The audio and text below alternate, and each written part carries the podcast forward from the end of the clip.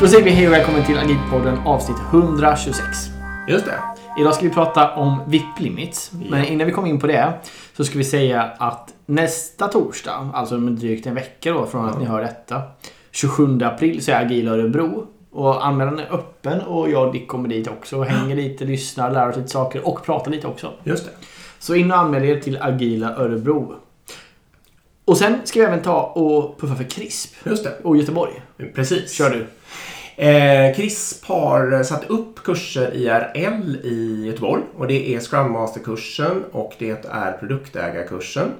Och där har ni ett fett erbjudande för att om ni skriver Agilepodden när ni anmäler er så får ni 25% rabatt på de kurserna. Och det gäller april ut, så det måste ni skynda er att göra nu. Mm. Eh, det gäller att ni anmäler er alltså eh, senast under april helt enkelt. Exakt. Så då tackar vi helt enkelt CRISP och Agila Örebro. Precis. Okej, då ska vi köra igång med VIP Limits då. Ja, Vad, vad, hur börjar vi med detta fantastiska ämne? Ja, precis. Det är ju... Det gäller att få grepp om det här ämnet. Man kan säga... Vi börjar väl helt enkelt. Vad betyder Limit? Ja. Exakt. Mm. Det är alltså WIP. Och man, det är väldigt många människor som säger på det här viset hela tiden och därför är det väl nästan okej att göra det. Men vi, vi berättar i alla fall. Eh, och det är, VIP är alltså Work in Progress, alltså pågående arbete. Så VIP-limit handlar om att begränsa mängden pågående arbete Ja, exakt. inte göra för mycket saker samtidigt. Och man kan säga att det är ju lite, egentligen är det väl från början en absolut hörnsten i om man har någon form av lean eh, approach till vad man håller på med. Någon slags varutillverkning till exempel kanske. Eh, Och då är helt enkelt hypotesen att eh, om man håller på och jobbar på massa enheter samtidigt och kanske framförallt också om man inte kan bli klar med en viss enhet. Om man då liksom ställer den åt sidan och börjar på nästa och håller på sådär. Så kan det verka fiffigt. Men vad det nästan alltid gör då är att det döljer en väldigt stark resursoptimering. Människor blir upptagna. Ja. Men värde kommer inte ut. Nej, sjuk, sjukvården. Ja, sjukvården är bra Extrem exempel. på exempel. Exakt. Mm. Jättemycket pågående arbete. Och precis. Nu börjar jag komma in på det här då. Men Mm. med pågående arbete så menas ju egentligen då att det arbetas på ett värdeobjekt. Liksom. Det är så man får tänka. Det är påbörjat. Exakt. Så att om en viss människa i ett visst ögonblick bara jobbar på en grej, eh, i alla fall i ett lean-perspektiv, då har ju just den hållit flippa på med en sak. Men om den har lämnat tio stycken eh, objekt liksom bredvid som bara står och väntar, eh, då anser man ju att man har eh, till elva saker då så att säga, där det pågår arbete. Eh, Och det stör hela processen, man får inte upp problemet i ytan ehm, och man får massa mm, task switching och massa administration för att hålla ordning på ehm, vad som ska göras med vilken grej och så vidare. Ja. Och därför är det jätte, jättedumt då om man till exempel håller på med varuproduktion. ja, det skapar ju en effektivitet. Men Exakt. det är det här som är det um, ointuitiva med det här. För det är ju att man, man, man vill ju ofta själv som kund ha det. Ja, Så vi tog exempel med bilfirma till exempel. ja, Eller bilmekaniker. Och då känns det ju, bara, bara om du ringer, om din bilmekaniker skulle ringa dig och säga så här att "Ja, men nu har vi börjat titta på din bil. ja, Men det kommer ta några dagar liksom Ja. innan vi är helt klara här. Då, då känns det ju bra. ja, Det känns ju mycket bättre än om, om mekanikern skulle ringa och säga att du ligger på plats tre i backloggen där. eh, och vi kör en bil i taget liksom. Och vi får se när vi kommer till din. Det hade varit jobbigare samtal att ta så att säga. Så det är det som är det- och det, det, det är det som sker på arbetsplatser också. att det känns lite skönt att saker är börjat, påbörjat och folk slutar kanske tjata på dig om saker är påbörjat. Projekt eller initiativ eller vad det nu är. ja. Så därför så sätter man igång allting samtidigt och sen så fastnar man lite i den här ineffektiviteten då. Exakt. För det du nämner nu, det är ju då egentligen den första fällan här så att säga. Och det är den man vill komma åt genom att sätta VIP-limits. Eh, och den är ju just exakt den psykologin att en människa blir av någon anledning lite lugnare om man liksom har börjat. Det känns lite... Och bilmekaniker, jättebra exempel. Annat jättebra exempel är att det är ganska vanligt att människor, eh, de ser en kö. De ska transportera sig och vet att det är kö genom att titta på någon app kanske. Eller ser kön rent Fysiskt, fysiskt. ja. Mm. Exakt. Så ställer de sig gärna i den och känner då, åh vad skönt, då har vi i alla fall börjat. Ja, jag, jag, jag, jag, jag, är, jag är en sån. Ja. Exakt. Och vad får det för effekter då? Jo, då korkar vad det nu är för någonting motorvägen kanske igen ändå mer. Eh, och alla de här um, alltså, människorna eller vad det nu är kan inte göra något annat. Man kan inte kanske njuta av solen och äta glass eller liksom bada eller prata med mormor ett tag till. Eller vad, alltså det finns ju kanske en massa alternativsaker som man egentligen skulle vilja göra. Mm. Eh, samtidigt som man då kanske visserligen kommer fram lite fortare om det nu är viktigt då. Mm. Men det kan ju vara extremt marginellt. Men den psykologiska känslan är ändå då att jag vill börja min färd. Ja. Ja. Ehm, och du sa det, på Mm. jobbet. Det finns någon eh, intressent, alltså en stakeholder.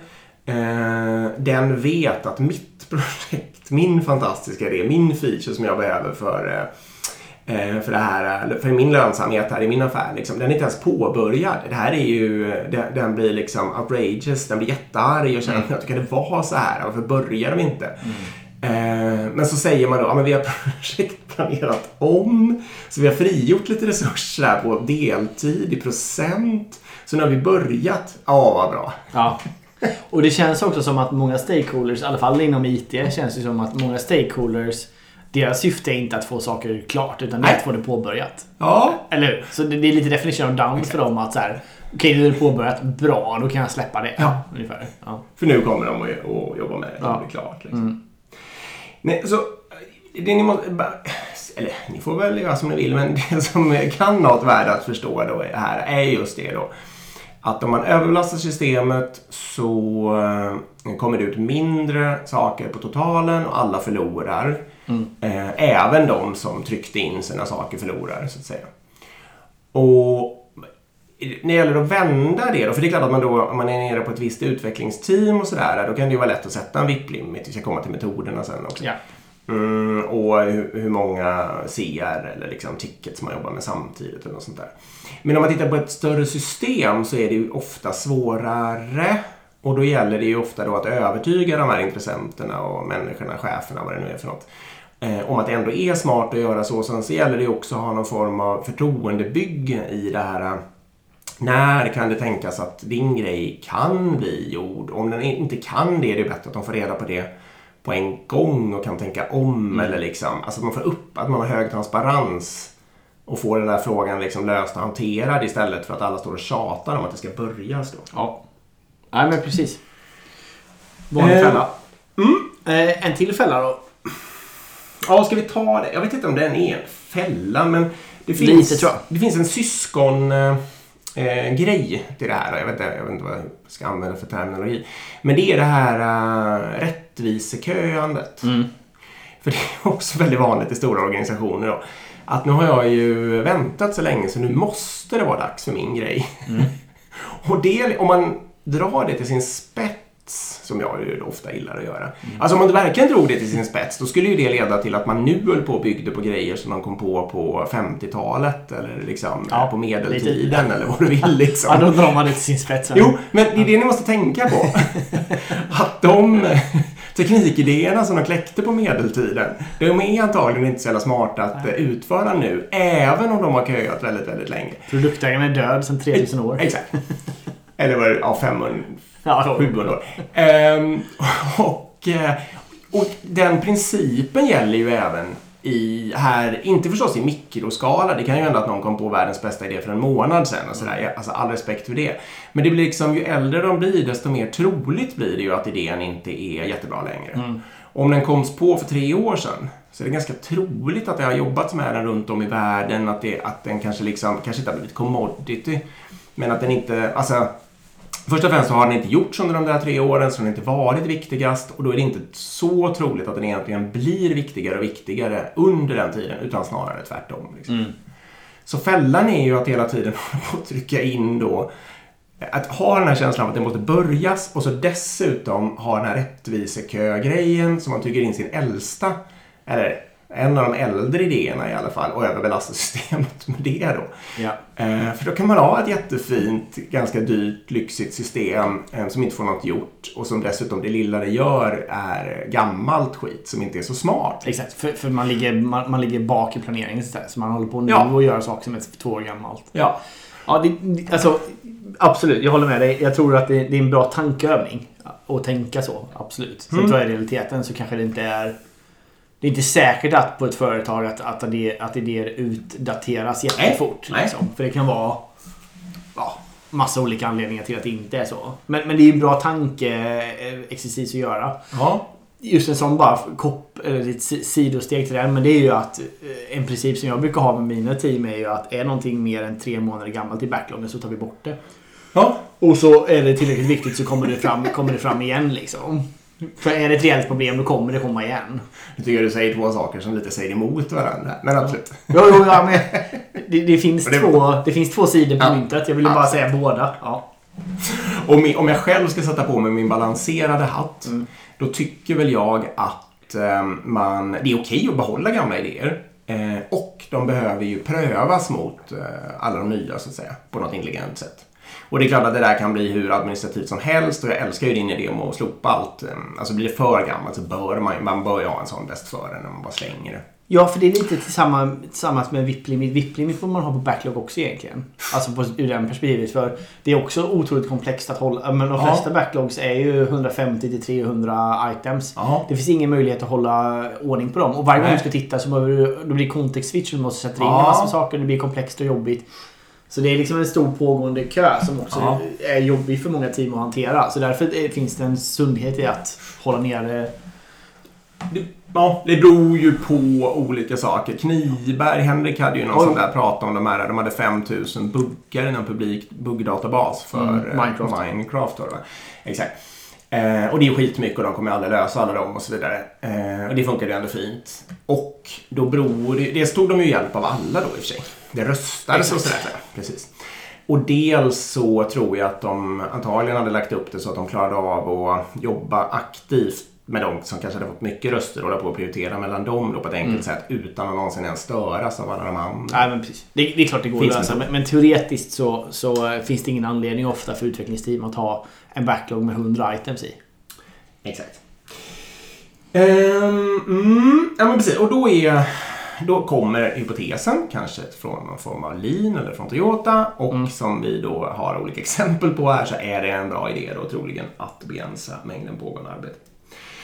Några viktiga så här, eh, jag törs inte kalla de här för principer, men saker, eh, saker att komma ihåg är Mm. väl att och när man jobbar med det här så är det nästan kört om man har för stora arbetspaket. Mm. Om man jobbar med såna grejer då som tar flera månader och bygga, håller på och skyffla dem fram och tillbaka. Då lurar man sig för då innehåller de både viktigt och oviktigt och gammalt och nytt och liksom eh, och de riskerar att bli försenade. Eh, och de kommer också, om man har en VIP-limit kommer de ju uppehålla den platsen då i flera månader. Om man till exempel har en låg VIP-limit så tar ju de ett sånt utrymme hur länge som helst. Liksom. Ja, och jag vill vara ännu mer krisp här. Jag vill säga så här att eh, ni borde inte ha saker i backlog som tar mer än en dag. Nej, det är ju en... Eh, precis. Egentligen. Det sen, Ja. Vi kommer, in, vi kommer komma in på Ja. undantaget. Men eh, teoretiskt är det så. Så det, jag ser också ganska många utvecklingsteam som bara men vi kör scrum och sen så bara tar man en ganska stor ticket. Lägger den in progress och sen ligger den där i två sprintar. Ja. Och det, Nej. Nej. Nej. de har ju inte ens fått ur sig något efter en Nej, sprint. Liksom. ofta Nej. är det så. Man har inte kunnat demonstrera något värde efter en sprint. Sen skulle jag säga att eh, en annan minnesregel då är att det gäller att inte bli för principiell när man gör det här. Det gäller också att vara väldigt principiell i själva grundgrejen på något sätt. Typexempel är ju just då att inte göra en stor ticket som ligger och blockerar allting. Mm. Där kan man, ska man ju vara principiell. Men man ska kanske inte så här... Eh, det är klart att om man har någon VIP-limit och så märker man att nu är det bara massa väntetider och grejer. Eh, och det skulle på riktigt vara skönt att börja med den andra grejen. Så visst, fuska då. Ja. Eh, för skyffla om trots att det inte är sprintplanering om ni nu kör scrum eller vad det nu är för något. Ja, nej men absolut. Här håller jag helt med. Här, I många tools så kan man ju också begränsa sin eh, kolumn och säga då att den här har en VIP-limit på fyra. Så kommer det in fem stycken items eller saker så blir den här kolumnen röd. Ja. Och det precis som du säger här att Låt dem vara röda. ja, låt den vara röd i två dagar om det krävs. Men se till att sätta inte det i system att allt är rött. Det är väl snarare så. Och där kan man ju också, om man nu kör retro eller vad man nu gör för att förbättra sig, då kan man ju ge lite akt på det. För att om den var röd i två dagar en gång så var ju det troligtvis smart. Ja. Men om den ständigt är överbelastad med faktor 2 eller faktor 10 eller sånt där. Ja, exakt. Då har man ju troligtvis inte ehm, fått till sitt system riktigt. Så det är mer så man behöver tänka tycker jag. Nej men verkligen. Och det här är en risk. Det är risk åt båda håll. För, för grejen är att det här kan lätt uppfattas som eh, um, en naturlag. Alltså något man Ja. inte får bryta på. Nej, det. Alltså det kan, det kan vara så att det kommer en bugg. "Nej, det är fullt i vår vikt så vi Mm. gör den inte. Nej. Alltså, det, Det det, går inte. Nej men det är lätt att det blir så. För det, det, det, det blir lätt att man håller på det stenhårt. Så det är precis därför man får fuska men, men fuska inte systematiskt. Här är faktiskt, nu tar ju vi allting baklänges med skitsamma. Men det Våra lyssnare är så intelligenta så att det går nog bra. Eh, för jag kommer att tänka på en annan sak som kretsar kring det där. Och det är eh, det här, vissa sådana här eh, metoder, eller vad man nu vill kalla det, de används ju ibland för att gömma sig från ansvar. Ett annat bra exempel tycker jag, från förr i världen i alla fall, är eh, prioritering. Eh, för då gick det till ungefär så här att någon eh, kanske hade lyckats få någon styrgrupp eller ledningsgrupp eller liknande att bestämma att projekt A är viktigast. Och då sprang de hem eh, och gjorde livet jättelätt för sig och sa att vi skiter i de här leveranserna från B, C, D och E. För de var inte viktigast, de kommer när de kommer. Och så använde de bara det som ett carte blanche. Liksom, att nej men vi jobbar bara med projekt A-grejer. Och syskonet här då, i en lite mer modern tid, det är ju just om man eh, tänker fel med vipplimmet och heller inte har ett system runt omkring som fungerar. För då blir det som du säger, att man, man har för stora grejer, man har fyllt upp och så säger man bara, "Ja, men, nej vi, vi jobbar lean här så vi har en vipplimit och den är uppfylld så vi kan inte göra något. Kom tillbaka i, eh, i juni liksom. Ja. Eh, och det är ju absolut inte så det är tänkt. Då har man ju verkligen gjort fel.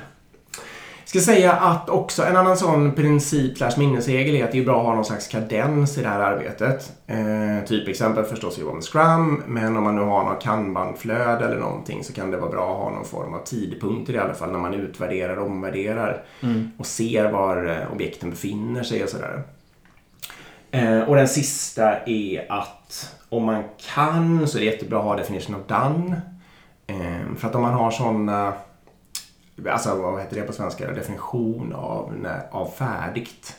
För att om man inte har det och så har man lite luddiga items eller tickets. Då riskerar de också ligga och blockera i all evighet. Så att de, de såg inte ut att vara så stora när de tog upp sin plats. Eh, Men sen så lyckades de hålla sig kvar i flera veckor eller månader därför att de inte ansågs vara riktigt klara. Och då kan man i efterhand konstatera att den var skitstor. Men man visste inte det när man la dit den. Liksom. Ehm, Och det är ju verkligen en metodgrej men en, en eh, Går inte att skriva definition of done så är ju en jättesmart sätt att ge den timebox istället. Om det är en utredning, om man inte vet när utredningen är klar, exakt. då får den två veckor. Ja. Eh, och ska den ha mer sen, då får man skriva, alltså, be om en ny, eh, ett nytt item. Liksom. Ja. Eh, helt. Okej. Nej men helt, helt, helt, helt precis sådär. Så ett bara, så som jag har gjort med ett team som jag tyckte var ganska framgångsrikt. Det är liksom att vi börjar då stand-up med att kolla på... För, använder man det här då kommer man börja bryta ner saker till ganska små saker. Jag skulle säga att då det här teamet som jag syftar nu kanske är 5-6 utvecklare och sånt där. Och eh, eh, jag skulle säga då på en vecka så kanske det teamet gör 30 tickets. Mm. Det, fly, det flödar igenom en, Mm. en kammarflöde. Och eh, VIP-limiten är 3 då. Mm. På in progress. Mm. Ehm, och eh, det vi börjar stand-up med då, det är att vi, då tittar vi på Dan och då är det alltså 4-5 Dan där varje dag ungefär. Mm. Om det är 30 på en vecka. Eh, och så tittar man igenom, okej vad är det som är gjort och vad är det som har blivit... Och det är saker som då är deployat i produktion liksom. Så då tittar man på det och så firar man det bra. Det var snyggt att vi fick alla de sakerna gjorda liksom. Och sen tar man bort dem efter. Mm. Så det är liksom är första proceduren på stand-up är att titta på den kolumnen, fira dem och sen ta bort dem så att det är tomt där. Mm. Och sen så går man till eh, vidare. Sen traverserar man back, Bakåt. eh, man går bakåt. Precis, Mm. man går bakåt. Och då tittar man på vad finns in, in progress och då, då finns det kanske tre tickets där eller två eller en beroende på. Eller så finns det fyra och det kan också vara okej då. Mm. Eh, och så vidare. Så det kan vara ett bra- sätt hur man gör det här. Att man säkerställer liksom att man, man firar det som har blivit gjort. Man kollar att de är tillräckligt små paketen. Mm. Eh, och sen så tar man sig bakåt varje dag på, i backloggen. Så att man inte börjar från backlog och framåt utan man, man går andra hållet. Det du säger nu är att man ska göra ett pullsystem. Man ska dra in arbete på ledig plats. Ja men exakt. Mm. Det är så det blir. Det är också en grundläggande lean-idé. Mm. Ehm, och det är väl smart Ja, det här beror lite på hur man ser. Men äh, jobbar man i ett kanbanflöde då är det ju verkligen så man jobbar. Ja. Sen före, alltså man bör ju tänka liknande om man kör Scrum också. Eh, Då är det bara det att man drar in en lite större batch. Men man ska ju fortfarande dra in den på ledig plats. Man ska inte trycka in det arbetet man behöver få gjort på oledig plats. Som väldigt ofta händer att säga.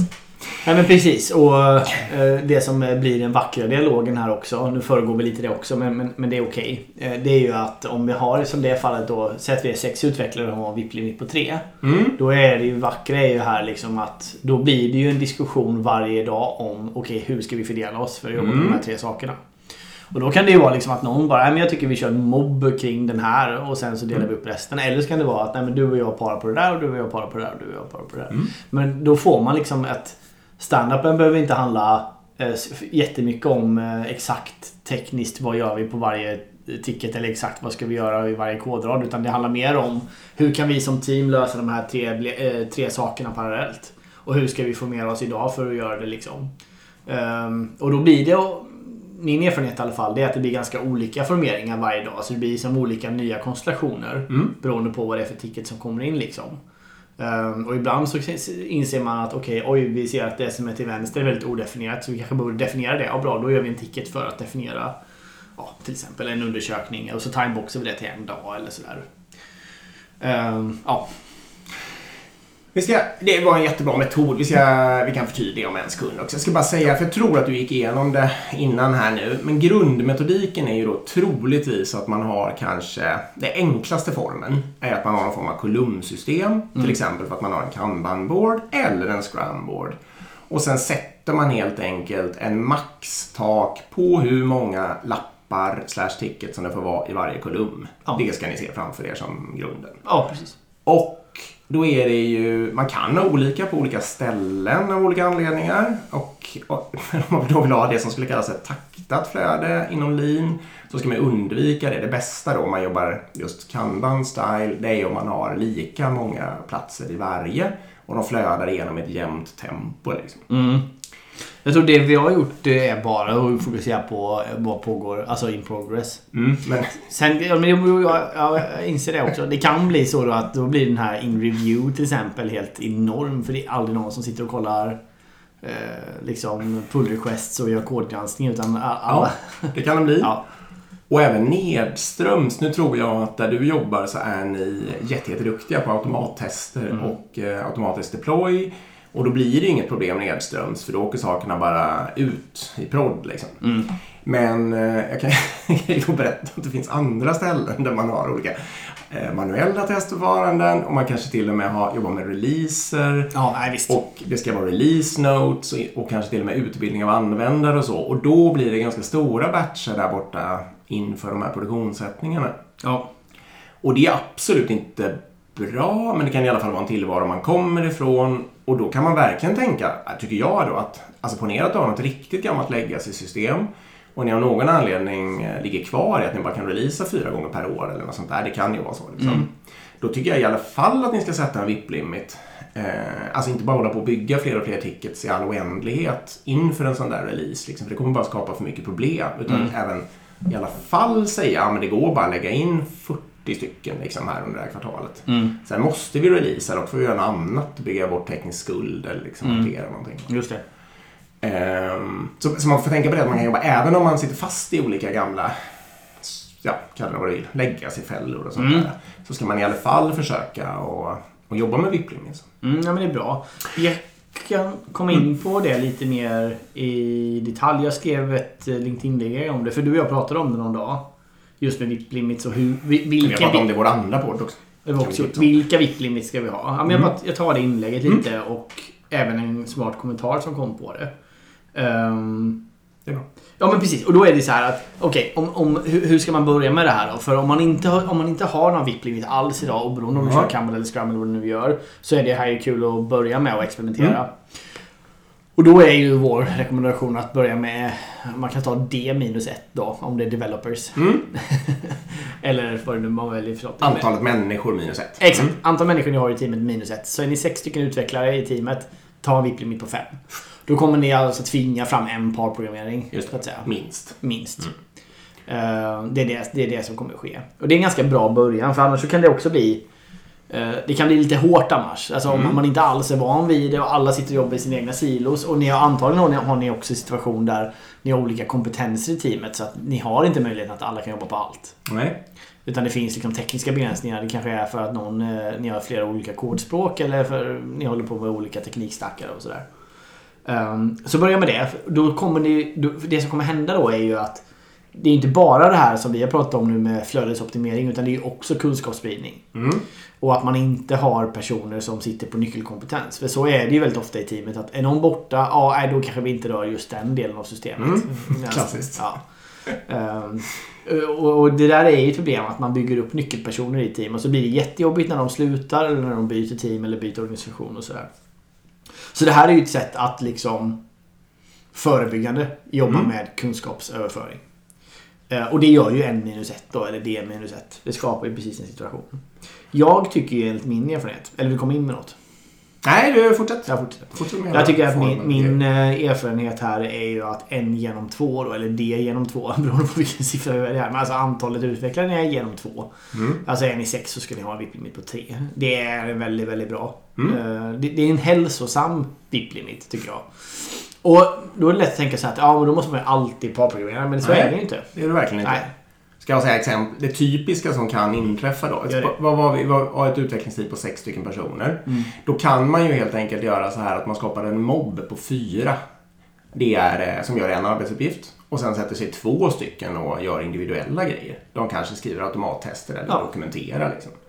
Eh, då har man uppnått VIP-limiten på tre då som det Ja. var. Sex genom två är tre. Och det är precis som man vill göra. För alltså, allt arbete är inte smart att göra ihop. Nej. Alltså du kanske sitta och byta ut en variabel och si- sitta och göra en search, find, replace operation i, i en hel dag. Liksom. Mm. Det behöver inte sitta tre personer eller två personer och göra det. Utan det är så här, okej, jag går in i en bubbla, jag fixar det och Ja. sen kommer jag tillbaka. Liksom. Det, det, så, exakt det, att det, det är en vanlig fördom mot just att ha hälften av Mm. sin kapacitet. Och sen då om man vill ta en, en ytterligare steg i utmaningen. Då vill man ju ha alltså en genom en eller det genom det. Och det innebär alltså att man får en viktig limit på ett. Och vill man vara riktigt hård här nu då, om man sitter fysiskt. Då stänger man igen, då drar du ut batteriet i alla datorer förutom en dator. Exakt. Och så låter utvecklingsteamet bara ha en dator och så får du se hur de löser det. Och det intressanta är att jag lovar att om man gör det, om ni, vågar, om ni känner att ni har lite utrymme för att testa det här. Mm. Så kan ni, ett, kan ni testa det i kortare period, men ta en vecka eller någonting. Jag lovar att de lärdomarna ni kommer få av det experimentet kommer vara enorma. Ja. Ni kommer antagligen kanske inte nödvändigtvis fortsätta med det. Men lärdomarna kommer vara Ja. enorma. Och det där är ju min... eh, Om ni ska ge de här olika lablar, alltså så här tumregel, då är det alltså Eriks tumregel är en genom två och Dicks tumregel är en genom en då, för det är ju jag som kanske ligger bakom den där talibanuppfattningen så att säga. Eller puritanuppfattningen kanske Mm. vi kallar det. Ehm, nej, och när jag framför allt brukar eh, börja prata om den, jag lyckas aldrig genomdriva det, men när jag börjar tjata om den, det är eh, när det pågår, det kanske inte är alltså systemutvecklare, utan det kanske är någon ledningsgrupp eller något sånt där, eller någon form av utredande människor. Och så har de kanske, jag vet vad utredningar man kan vara, liksom olika random arbetssaker som ska göras, det ska förberedas någon kurs eller liksom det ska planeras en konferens alltså och sen är det sådana saker. Och det visade sig helt plötsligt när man börjar strukturera upp det där att det liksom är 25 sådana igång eller något sånt där. Eller 50 liksom i en arbetsgrupp på Mm. sju pers eller något sånt där kanske. Och då säger jag, ja ah, men sätt VIP-limit 1 då. För då måste nämligen alla sätta sig ner vid bordet och hjälpas åt att få ur sig något. Och ingenting annat kommer hända förrän, förrän den blir klar. Men då blir ju å andra sidan den klar. Mm. Och så åker den ut och skapar värde då, förhoppningsvis. om Ja, det är, ju, det är ju precis det. Eh, och då kan man ta tag i nästa så vidare. Och om man liksom drar lite mer åt det hållet, då tvingar man sig att eh, börja leverera. För det är ju det som ofta sådana liksom, arbetsgrupper av mer utredande karaktär är mer ovana vid. Ja. Utvecklare, om ni nu sitter där ute och lyssnar, ni brukar vara bättre på det. Liksom. Ja. Eh, och då kanske din tumregel är bättre. Alltså en genom två, det genom två. Ja, det var bra. Jag fick Ja. en smart kommentar på det också då. Och då är ju frågan här om jag någonsin har sett eh, en implementering av VIP-limit på organisator, or, organisatorisk nivå. Alltså på högsta nivå Mm. då. Och då så säger hon här då att det finns en vanlig trend är liksom att folk säger att eh, VD eller chefer är nöjda över att det pågår, det pågår så mycket i vår organisation parallellt. Alltså att man är, att Mm. det, man är stolt över det liksom. Men istället borde det inte vara så att man är, man är nöjd med att det pågår ganska få saker samtidigt. Meningen, alltså det, det finns mycket tydligare fokus, det finns större möjlighet att vara innovativ och det finns också en större möjlighet att leverera med värde då, om man gör det så att säga. Och jag kan säga så här, jo, jag, jag har sett organisationer som gör det här på absolut högsta nivån. Mm. Som alltså per kvartal begränsar hur många initiativ kör vi parallellt. Mm. Men de är väldigt få. Mm. Med. Så kan man säga. Man, Och det är smart. Det är smart. Man kan väl säga, tycker jag, att om man vill ha en metod som är lite lättare att driva igenom. Eh, som, som i och för sig har andra nackdelar, man kan bli trögrörlig och sådär. Men eh, som är en slags VIP-limit, det är ju helt enkelt att ha en produktorganisation. Så att om man organiserar upp sig tydligt efter olika produkter med, som har specifika kundvärden eller så specifika man klarar av. Eh, då brukar de sen lokalt begränsa mängden pågående arbete och försöka lösa en sak i taget.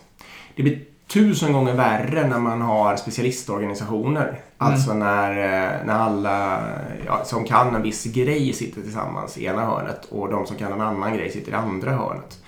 Eh, eller ja, det skulle även kunna kallas projektorganisation kanske. Men, eh, för då är det mer, mycket, mycket mer troligt att man, just det här, alla de här fenomenen slår till. Alla ska igång, alla bollar ska kastas upp. VDn är jättenöjd för att det händer så mycket saker samtidigt. Eh, men ingenting eller väldigt lite blir liksom kundvärdeskapat helt enkelt. Eh, Jo, det- precis. ja, Men jag har ju också sett i en organisation där det var kanske 50 stycken eller 60 stycken. Eller strax, det var nog mer, det var nog närmare 100. eh, Saker som pågick parallellt i Mm. form av projekt då. Mm. IT-projekt. Och sen dessutom av de här 100 så var det väl 60 som var prio 1. Ja. Och resten var väl prio 2 då. Det, det är inte helt ovanligt att det ser ut så. Nej, nej, nej. Nej.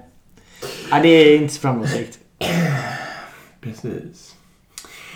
Ehm, äh, precis, vad har vi nämnt nu då? Grundmetod, har någon form av kolumner Mm. lokalt och sådär. Eh, på teamnivå, sätt liksom, fundera över hur många människor ni är som arbetar och så sätt en VIP-limit som är lägre än antalet då, något som ni gillar. Ja. Antingen Eriks eller min tumregel om ni vill vara eh, puritanska. Mm. Eh, på organisationsnivå, troligtvis, det är inte bara för det här, men eh, att vara produktorienterad och jobba liksom eh, där man har ett produktansvar lokalt i en organisation löser också den här frågan lite då på organisationsnivå så att säga. Men precis som Erik säger att om man är en innovativ organisation eh, och vill köra initiativ som går tvärs över hela organisationen så ska man verkligen också se till att begränsa det antalet till eh, ett fåtal per kvartal eller något sånt där. Och så försöka komma någon vart på ett kvartal istället Mm. för tvärtom. Framförallt kan du utvärdera om du ska lägga ner eller fortsätta med det ett kvartal till också. Ja, Det är ju det. exakt. Det där är väl en... ehm, Ja, nu ska vi inte prata om allt idag, men OKR är ju en Ja. eh, metodik förstås, eller något liknande system för att kunna hålla ett sånt där fokus i ett kvartal och även förlänga det om man tycker att man behöver det. Ja men exakt. OKR hjälper ju till. eh, För då kan du begränsa hur många objektiv du ska ha på olika nivåer. Så är det ju.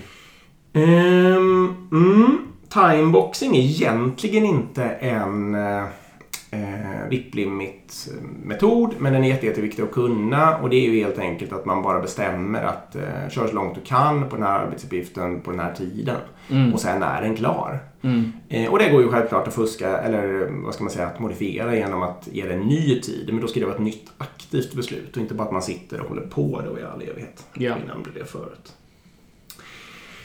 Eh, du kanske vill säga något om teknisk skuld förresten? Är det ditt undantag? Du utlovade ett undantag förut. Gjorde jag? Ja, men från när man inte ska köra eh, VIP-limit. Ja just det. Nej men då tror jag att då tänkte jag mer på så här typ att det kommer en bugg eller liksom det Ja, kommer just det, någonting Okej. som, som gör att en produktionsstörning eller det händer någonting. Och då får, man får inte bli liksom för hård i det här då med Nej. VIP-limit och säga nej det här gör vi inte. Det, var- det var nog det jag tänkte på. Teknisk skuld. Eh, alltså, ni har ingenting direkt eller har du någonting du tänkte på? Nej, att man kan... eh, Oj, nu måste jag hålla två tankar. Eller jag, jag, Ja. säger, jag ska bara kommentera klart på din incidentgrej där. Ja. Man måste inte bryta mot... eh, För jag, eller som Nej. jag jobbar med VIP-limit så tycker jag att det är okej att slänga ut saker eh, bakåt i värdekedjan. Man kan sluta jobba på en 100%. grej, trycka upp den i kolumnen innan och säga hoppsan svejsan och så dra in något annat. Och då har man inte brutit mot VIP-limiten. Däremot kanske man har brutit mot någon sån här, om man har en sprint commit och kör scrum till exempel så kommer man ju troligtvis inte lyckas då. Eh, därför att man fick lösa incidenten istället. Nej precis, men det jag menar är så här att på standupen skulle det kunna dyka upp, oj vi fick ett alarm på någonting också. Ja. Och men Kalle, ta och titta på det två timmar och sen joinar du mobben och då drar man till en fjärde ticket. Det är mer så liksom. Eller Lisa för den delen. Ja. Nej, men teknisk skuld. Jag tänker på att eh, man... Alltså det går ju att jobba på massa olika sätt. Men att kanske man ser teknisk skuld som en, nästan som en produkt eller som ett produktunderhåll Ja, som kan jo. få en procent och sådär. Och det är klart att man bör göra tickets av det också. Det bör trängas med allting annat. Ja. Men att man kanske reserverar då någon, ett limitutrymme för det. Eller i alla fall hela tiden aktivt utvärderar om man, alltså man struntat i det under en period liksom, så, bör man, så är det en varningssignal helt enkelt. Eh, det fick inte plats. Och det fick inte plats nu heller och inte nu heller. Vad ska vi göra? Precis, och här är min erfarenhet och det tror jag vi nämnt innan men jag säger det igen för det är värt att, värt att nämna det. Att här behöver du byta metod varje kvartal. För om du, om du gör så till exempel som du säger att okej vi, vi säger att eh, eh, vi på känn bara och så utvärderar vi. Då kommer ni antagligen göra för lite tekniskt eh, skuldarbete liksom. Eh, Om ni är helt stenhårda och säger att eh, en av de här in progress eh, VIP-poängen ska alltid vara en teknisk skuldgrej. Då kanske ni på slutändan kommer gjort för mycket saker. Och sådär. Så, så det, det, det ni behöver göra är att variera från kvartal till kvartal hur man angreppar det. Jo. Och då kan det vara att man kör två veckor. Första, första två veckorna i kvartalet jobbar vi bara med teknisk skuld. Sen kan man köra hackdays var, eh, varje torsdag. Alltså att Mm. man mixar upp det lite och varierar lite. Det brukar ge bäst resultat efter ett år om man har gjort Mm. alla fyra angreppssätt. För då, då, ja, då köper man upp alla negativa saker med alla metoder över tid. Liksom. Precis. Man får ut fördelarna och ganska lite. Man får ut de flesta av fördelarna och ganska få av nackdelarna med respektive metod. Liksom. Exakt. Och så därför är min erfarenhet att du ska switcha metod. Mm. Hur du hanterar Det. Ja. För fördelarna kommer ofta tidigt i en metodanvändning och nackdelarna visar sig efter ett tag. Särskilt vad gäller kanske just teknisk skuld. Ja. Eh, jag ska säga också, det var länge sedan jag lyssnade på det här avsnittet själv, men vi gjorde ju ett avsnitt om kanban med eh, Marcus Hammarberg för ganska länge sedan. ja. Och han lär ju ut kanban, alltså kanban enligt Hammarberg då, är ju fyra hörnstenar. Och jag är inte tvärsäker på att jag säger rätt nu, men jag tror att det är att hitta ett mätetal, one measurement that matters, Japp. visualisera, börja där du är och begränsa mängden pågående arbete. Är I alla fall, oavsett om jag nog har exakt rätt på de andra så är det där i alla fall en av de där fyra hörnstenarna. Eh, han tycker inte man kan ha, men det tycker inte jag heller, alltså kan man om man inte har någon metod för att begränsa mängden pågående arbete. Så att säga. Nej. Nej men det där är väldigt bra och det där kan man ju applicera på precis allting. Just vi pratade om det innan vi började spela in här. Jag tror min in progress-kolumn är jag har, jag har alldeles för många tickets där just nu. Alltså inte jobbmässigt utan privatmässigt bara. Eh, jag har för mycket saker som behöver fixas bara. Och då, då blir det genast när det blir för många där, då blir, då blir även lätta saker väldigt komplicerat. Och Man blir krånglar ofiffig. till, ja, man blir ofiffig. Så det jag behöver göra är helt enkelt att begränsa VIP och så kasta tillbaka grejer i backloggen. Och visualisera den här backloggen också för annars är det lätt att man glömmer det och då skapar det ännu mer ångest så att säga. Så visualisera dem, tillbaka med dem och prioritera. Och sen eh, VIP-limita. Då gör man alla de där sakerna. Och det, det blir ju väldigt, väldigt mycket mer effektivt. Det ska jag göra när jag kommer hem. Det är bra. Jag har en whiteboard. Ehm, och så ska jag säga också då, apropå de här klassiska metoderna som ni säkert eh, ofta kör då, att om ni nu kör Scrum, eh, då är som sagt den ena VIP-limit-metoden är uppenbarligen hur mycket som får ligga i varje kolumn. Ehm, eller per dag, eller hur man nu kan tänka sig. Men om man också kör Scrum så kör man väl, måste man göra det eller? De flesta kör ju i alla fall story points. Måste man köra story points för att köra Scrum? Nej. Nej, man måste nog inte det. Det, alltså Men på- storypoints är faktiskt inte påhittat av Scrum. Nej, Det är addering. insåg det när jag började när jag började prata om det. Eh, Men ponera att ni kör story points i alla fall. Då har ni ju en, eh, en hastighet, en velocity av något slag och förhoppningsvis så har ni mätt upp hur mycket den brukar bli, alltså vad ni klarar av att producera. Ja. Eh, och då är ju alltså att, att absolut vägra lägga in mer arbete än till exempel den där uppmätta velocityn. Det är ju ett jätte, jättebra sätt att få till en slags VIP-limit i alla fall. Som får väldigt mycket liknande effekter, även om den kanske inte är strikt då i och med att storypointsen kanske är uppskattade. Ehm, Men det, är- så det är ju den andra metodiken kring Scrum för att begränsa mängden pågående arbete och få ur saker och sådär. Ja. Ehm, Mm. ja men bra.